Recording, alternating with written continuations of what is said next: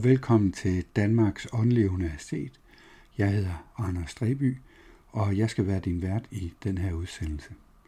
Her ser vi på den eksistentielle filosofi, eller eksistensfilosofien, som er en af de store retninger inden for den moderne vestlige filosofi. Den er kendetegnet ved at have et fokus på eksistensen, som er menneskets særlige måde at være til på, som en stående ud eller forholde sig til tilværelsen. Så vi er nu nået til den jødiske filosof Martin Buber, som bliver født i Wien 1878 ind i en jødisk familie.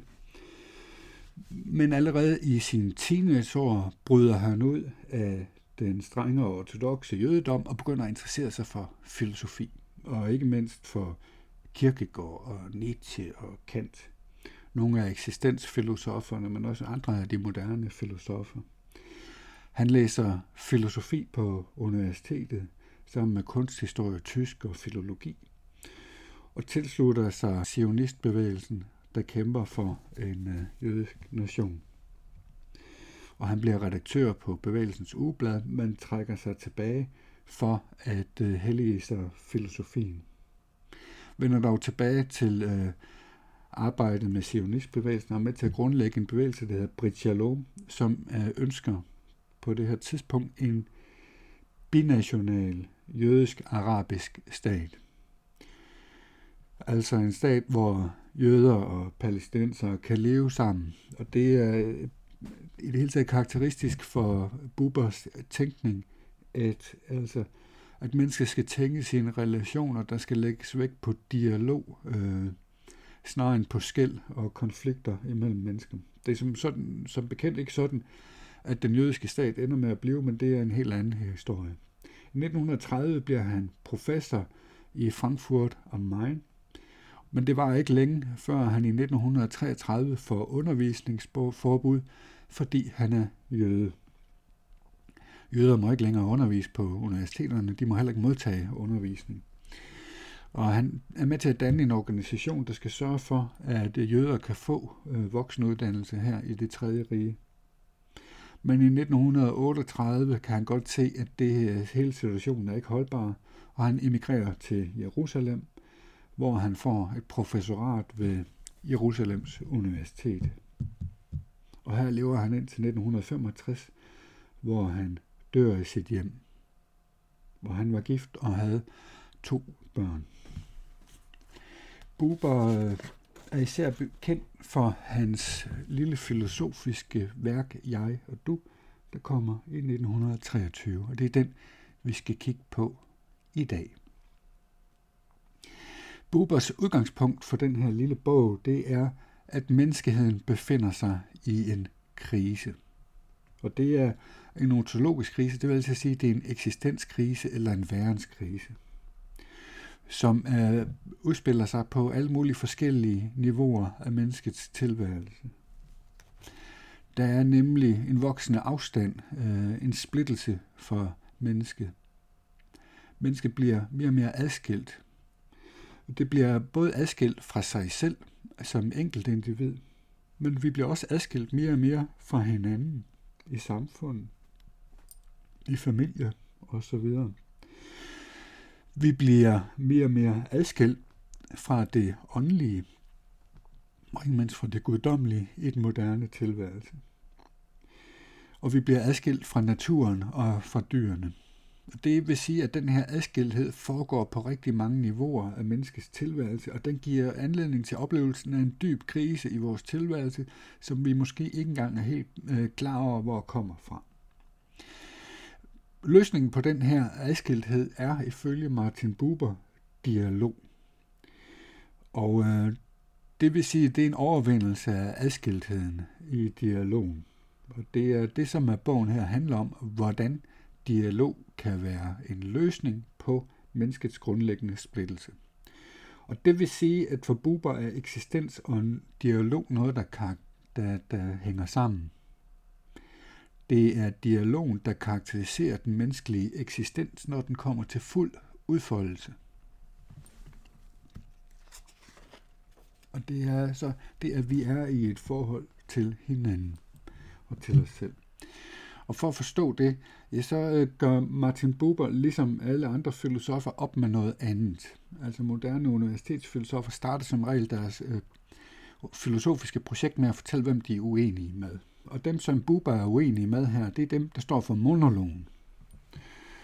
Og monologen er en dyb måde at forstå tilværelsen på, og at forstå øh, filosofien på, som har øh, sine rødder i den moderne og nyere filosofi.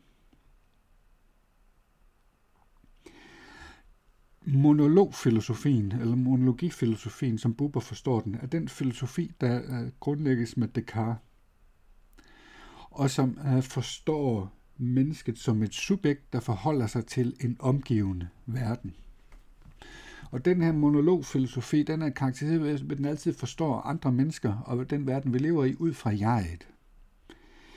Det vil sige, at andre mennesker i, i den her filosofiske tradition bare er fremmede eksistenser, øh, fordi vi kun kender til andre mennesker igennem vores eget bevidsthedsindhold.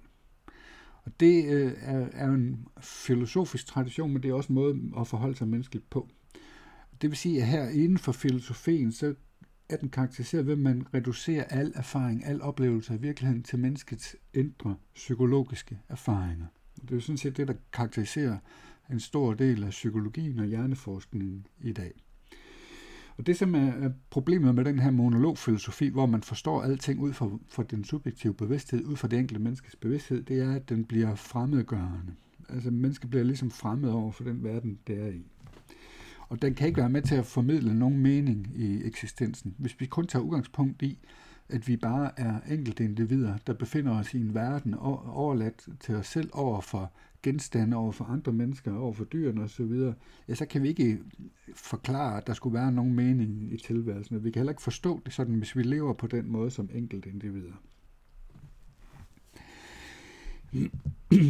Derfor er det nødvendigt at forstå eksistensen på en anden måde, hvis vi vil ud af den her meningskrise, og hvis vi vil sørge for, at der er en mening i menneskets liv. Og vi bliver nødt til at have en, en dybere forståelse for, hvad mennesket er. Fordi så længe altså vi tager udgangspunkt i subjektet, i enkelte individ, så flår vi fuldstændig individets tilhørsforhold til, til verden i stykker. Det er ikke længere muligt at forestille sig, at der skulle være et inderligt forhold til Gud eller noget åndeligt. Det er heller ikke muligt at forestille sig, at der vi egentlig skulle være hele væsener, der har en dyb kontakt til os selv, fordi vi bliver så forankret, så, så at sige, kun i vores bevidsthed, og hvad så med kroppen, og hvad med vores følelser osv. Og man flår også menneskers indbyrdes forhold i stykker, hvis vi først og fremmest forstår øh, og lever som øh, enkelt individer. Så for at forstå, hvad men- den menneskelige eksistens er, så må man gå en helt anden vej.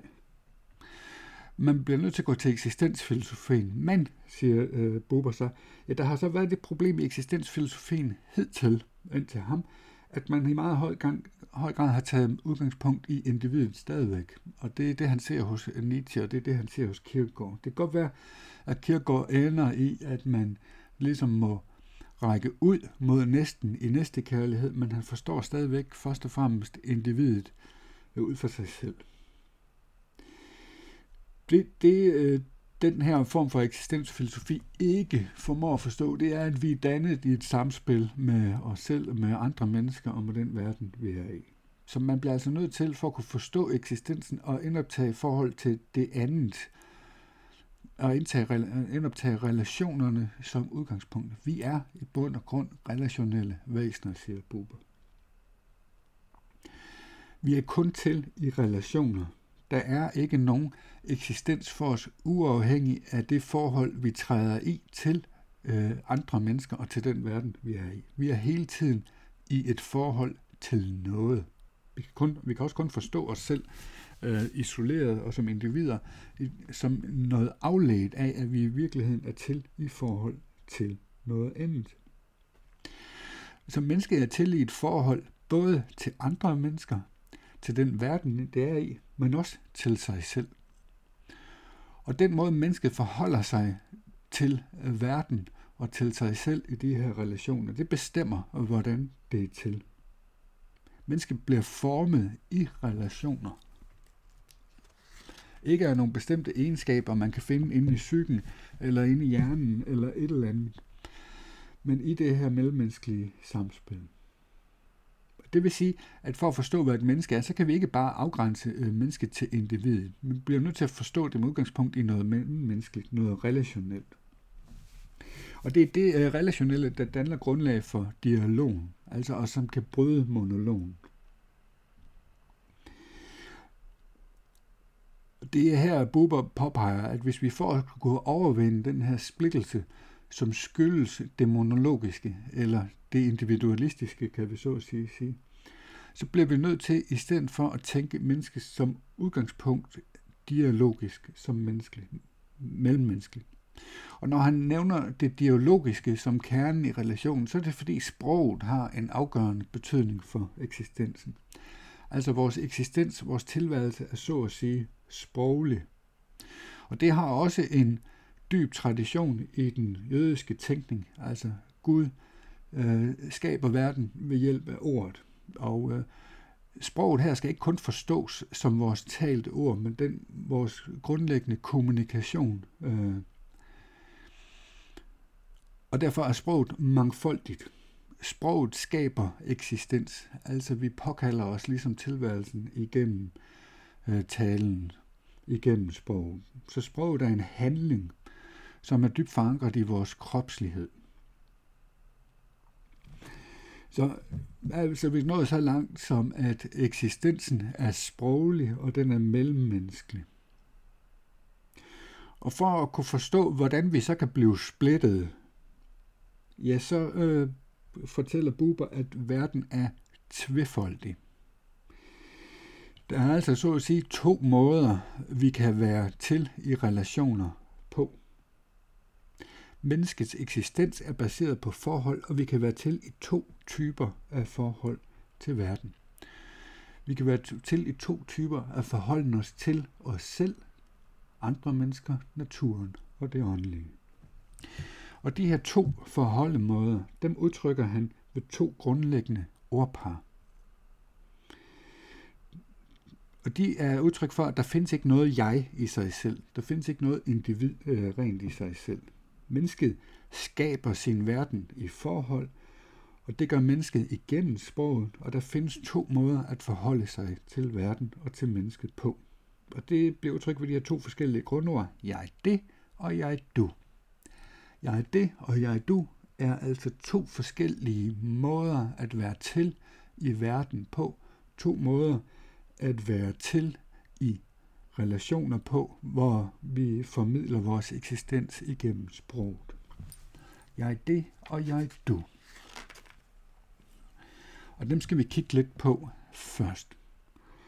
Jeg det er øh, en måde at forholde mig til verden på, hvor jeg forholder mig til øh, andre mennesker, til naturen og til øh, mine øvrige omgivelser som det. Det vil sige, som ting, som genstande. I jeg det er jeg netop et subjekt, der betragter en verden af objekter. Altså det er den monologiske tradition, så at sige, der har rod i denne her måde at forholde sig til tilværelsen på. I det øjeblik, jeg er til i en, jeg det forholder mig til verden, så viser verden sig for mig som en verden af genstande. Alt omkring mig er genstande, er objekter, som jeg kan forstå og forklare i årsag-virkningssammenhænge. Det er så at sige forudsætningen for videnskaben. I det øjeblik, jeg er til i en jeg det forholden mig, så er verden noget, jeg vurderer, den er noget, jeg undersøger, den er noget, jeg jagter, den er noget, jeg analyserer. Men i det øjeblik, jeg er til i en jeg det forholden mig, så er jeg også til i en distance til alt andet. Altså, verden omkring mig er så at sige genstande som koppen, som jeg har et distanceret forhold til, som jeg kan vurdere, som jeg kan analysere, men det gælder også andre mennesker. Alt er noget, jeg øh, vurderer og analyserer fra en distanceret øh, observeren. Og det, det er det, som øh, vi almindeligvis forstår ved den empiriske erfaringsverden, der møder os her. Altså, det er det, der er hele forudsætningen for den moderne videnskab. Og det er ikke, fordi der er noget i vejen med jeg det forhold. Så den er en grundlæggende måde at være til i verden på, som har øh, en vis betydning, og uden den vil vi ikke have nogen videnskab, for eksempel. Så jeg det er den ene forholdmåde. Den anden er jeg du. Og jeg du er en helt anden måde at etablere et forhold til verden på. I det øjeblik, jeg etablerer et jeg du-forhold til min verden og til andre mennesker, ja, så etablerer jeg et grundlæggende forhold til dem. Så er jeg ikke længere kun til i en relation til dem, men i et egentligt forhold. Og her inkluderer jeg det, jeg etablerer et forhold til. Hvis det er et andet menneske, ja, så etablerer jeg et forhold til det andet menneske, hvor det andet menneske ikke længere er en genstand eller et objekt, men at du er en person, som jeg taler sammen med. Det vil sige, at monologen ophører så at sige, og her kan jeg etablere en dialog. En dialog forudsætter, at jeg ikke betragter det andet menneske som en genstand, som et objekt, som jeg taler til, men at det er noget, jeg inkluderer som et menneske, jeg kan tale sammen med. Og det skal man jo huske, hvis man skal have en samtale med folk, at øh, hvis man gerne vil have en dialog med dem, så skal man inkludere dem. Så nytter det ikke noget, at man taler til dem.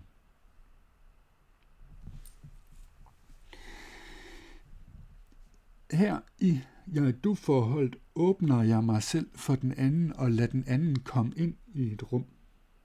Og i det øjeblik, jeg ikke længere bare taler til den anden, men etablerer et, øh, en dialog med den anden, hvor vi taler sammen, ja, så skaber jeg et rum, hvor der foregår noget, som ingen af os kan skabe i os selv. Og det, det er vigtigt, hvis man for eksempel er i et ægteskab, og man siger til sin partner, nu skal vi tale sammen, og så, vil det virkelig, så er det virkelig det, man gør, det er, at man vil tale til den anden og fortælle den anden noget. Ja, så, så, får, så sker, sker der ikke noget nyt. Man bliver nødt til, hvis man vil tale sammen, så bliver man nødt til at etablere et rum, hvor man lader den anden komme ind i samtalen. Og man lader den anden være en deltager på lige fod.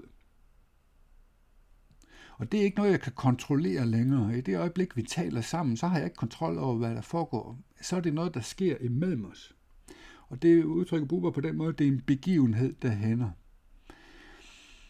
Det betyder, hvorfor siger han det? Det, det er fordi, jeg netop bliver nødt til at træde ud af min øh, bestræbelse på at kontrollere tingene, at det er det mig, der vurderer og analyserer. Så længe jeg er i den forholden måde, så øh, er der ikke en samtale imellem os, så er der ikke en dialog imellem os det bliver jeg nødt til at give slip på min kontrol, så derfor er en samtale noget, der hænder. Den kan kun hænde, hvis vi er to mennesker, der overgiver os til at skulle tale sammen og inkludere hinanden på lige fod i samtalen. Ellers er der ikke nogen dialog.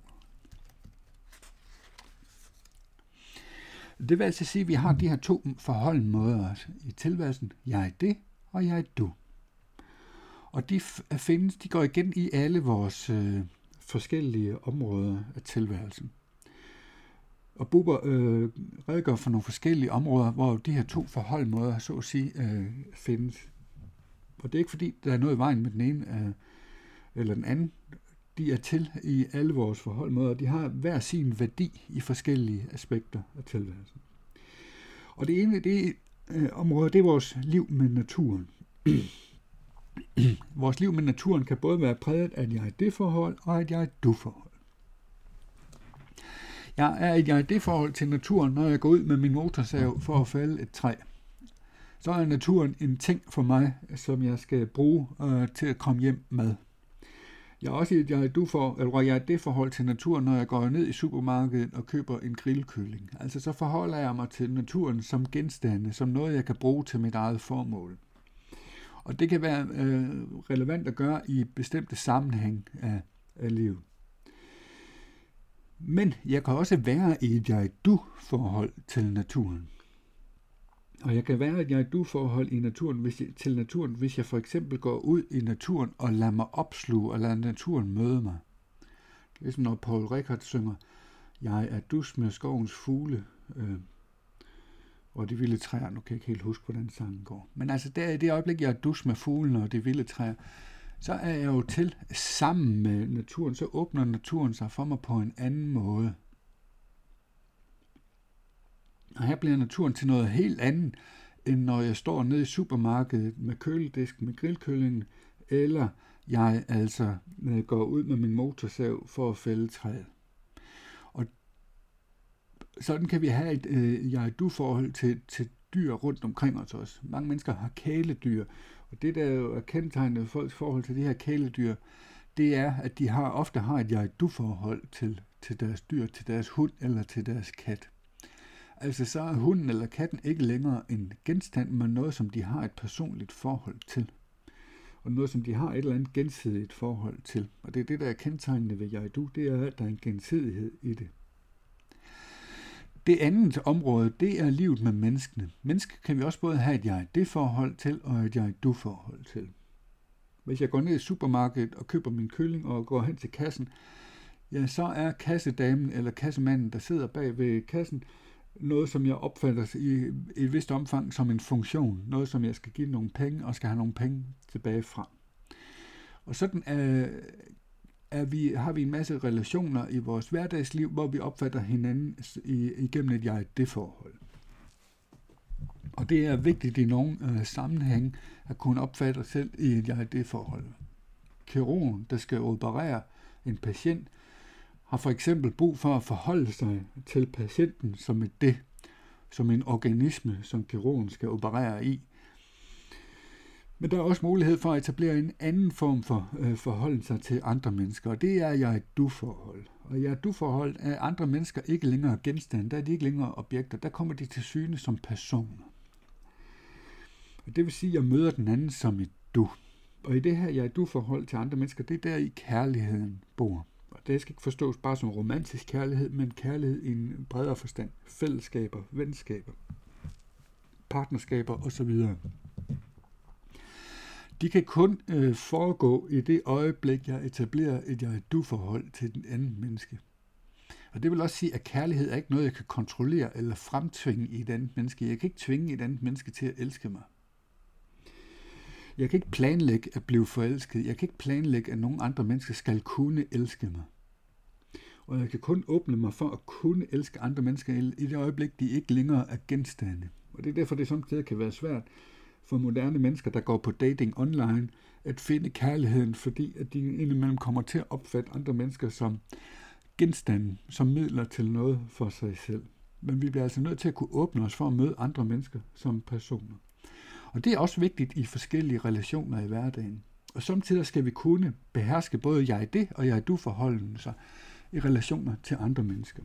Hvis jeg for eksempel går ned til min praktiserende læge, som et klassisk eksempel, så skal en god læge både kunne etablere en jeg det og en jeg du forholdelse til mig som patient.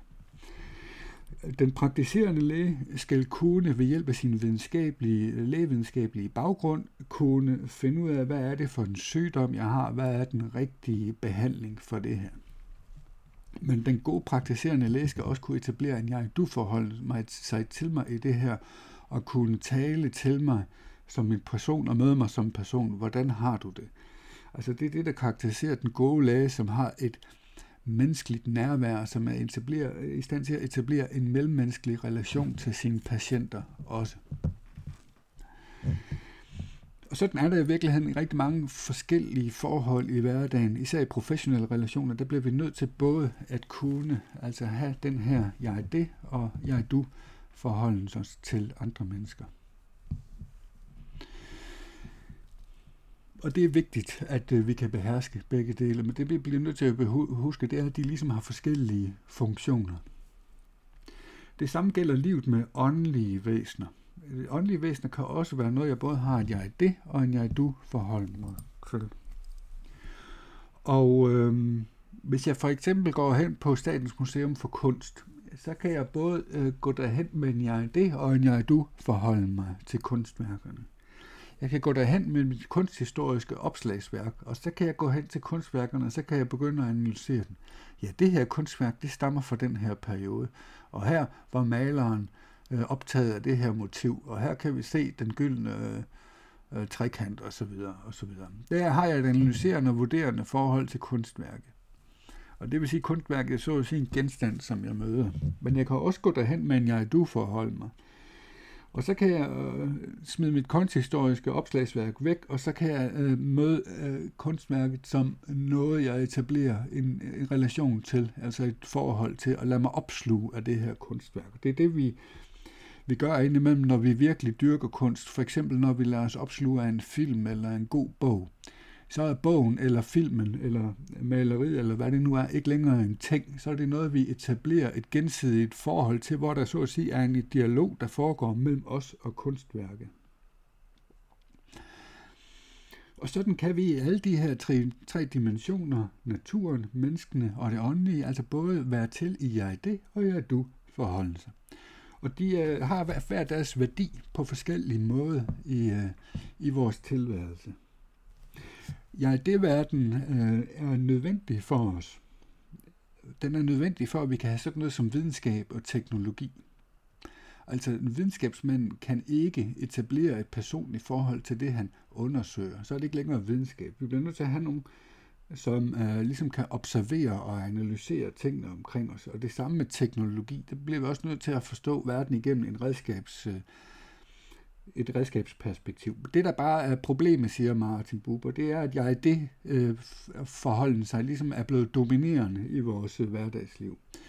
Og det betyder, at vi kommer til at øh, sætte for stor værdi på det materielle, på det at kunne analysere og, og bruge øh, ting i verden.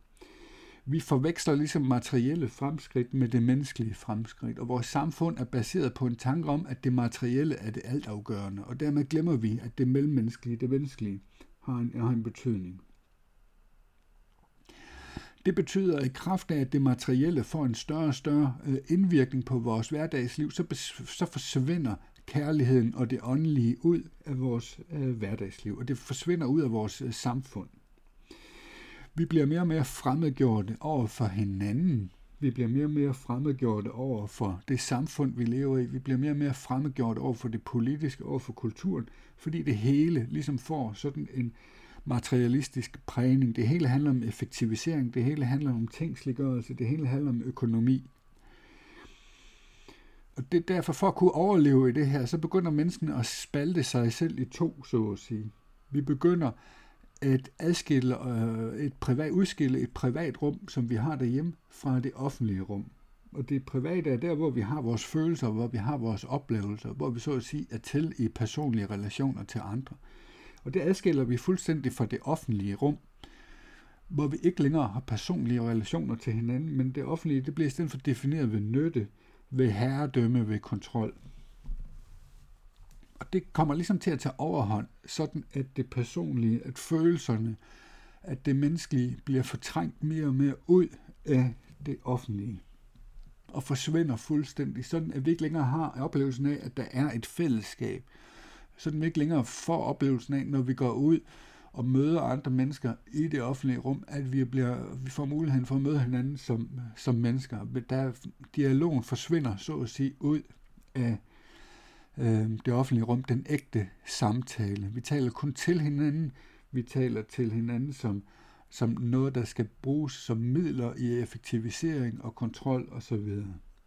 Og vi bliver nødt til, siger Buber, at prøve at lægge en større vægt på jeg-du i det offentlige rum, hvis vi ikke skal blive ramt af den her dybe splittelse og fremmedgørelse, som vi måske ikke ved, hvor kommer fra. Måske tænker vi bare, at vi skal kunne kontrollere og effektivisere tingene endnu mere for at få et bedre liv.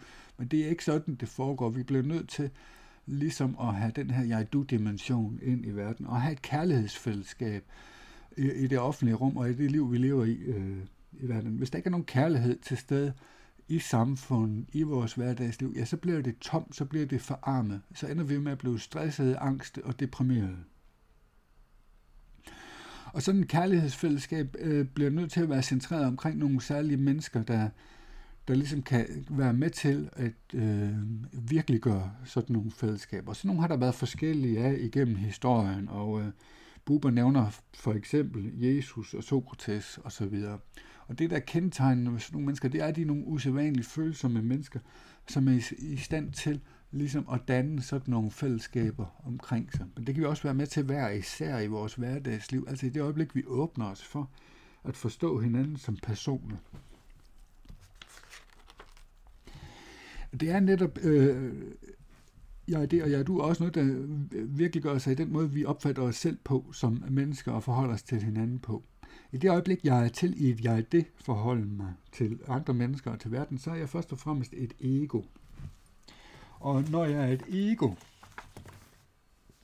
så er jeg til som et væsen, der afgrænser mig selv fra andre væsener. Jeg er bevidst om mig selv som et væsen, der er handlende og har nogle mål i verden. Og jeg forsøger i så vidt muligt omfang at bruge min verden som, som midler. Altså andre mennesker og genstande osv. er midler, som jeg bruger til min egen formål. Og det kan være øh, fint nok i nogen sammenhæng, men det der altså sker i det øjeblik, andre mennesker og verden bliver midler, det er, at samhørigheden brydes. Og hvis jeg bliver fanget ind i det, hvis jeg kun bliver et ego, ja, så, så bliver mit liv så at sige dybt forarmet. Altså, så mister jeg kærligheden, øh, og så mister jeg nærværet i tilværelsen.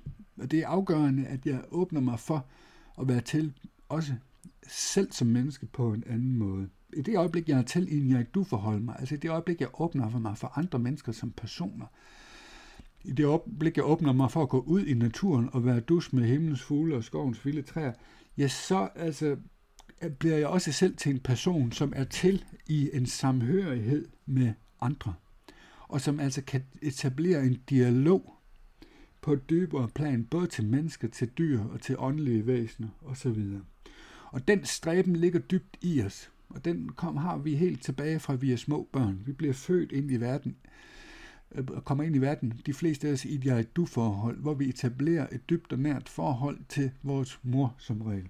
Øh, nu i dag er det også far efterhånden. Men oprindeligt er det jo især moren, øh, som vi etablerer det her jeg-du-forhold. Og lige fra vi er små børn, så har vi den her dybe længsel efter at kunne være til i samhørighed med andre mennesker. Og det har vi et dybt behov for som mennesker. Både at kunne være til i samhørighed med andre mennesker, men også med os selv, med naturen og med det åndelige. Og hvis vi fortrænger det ud af vores tilværelse i det moderne samfund, ja, så bliver vi så at sige øh, splittet, vi bliver adskilt, vi bliver rødløse, og tilværelsen bliver meningsløs.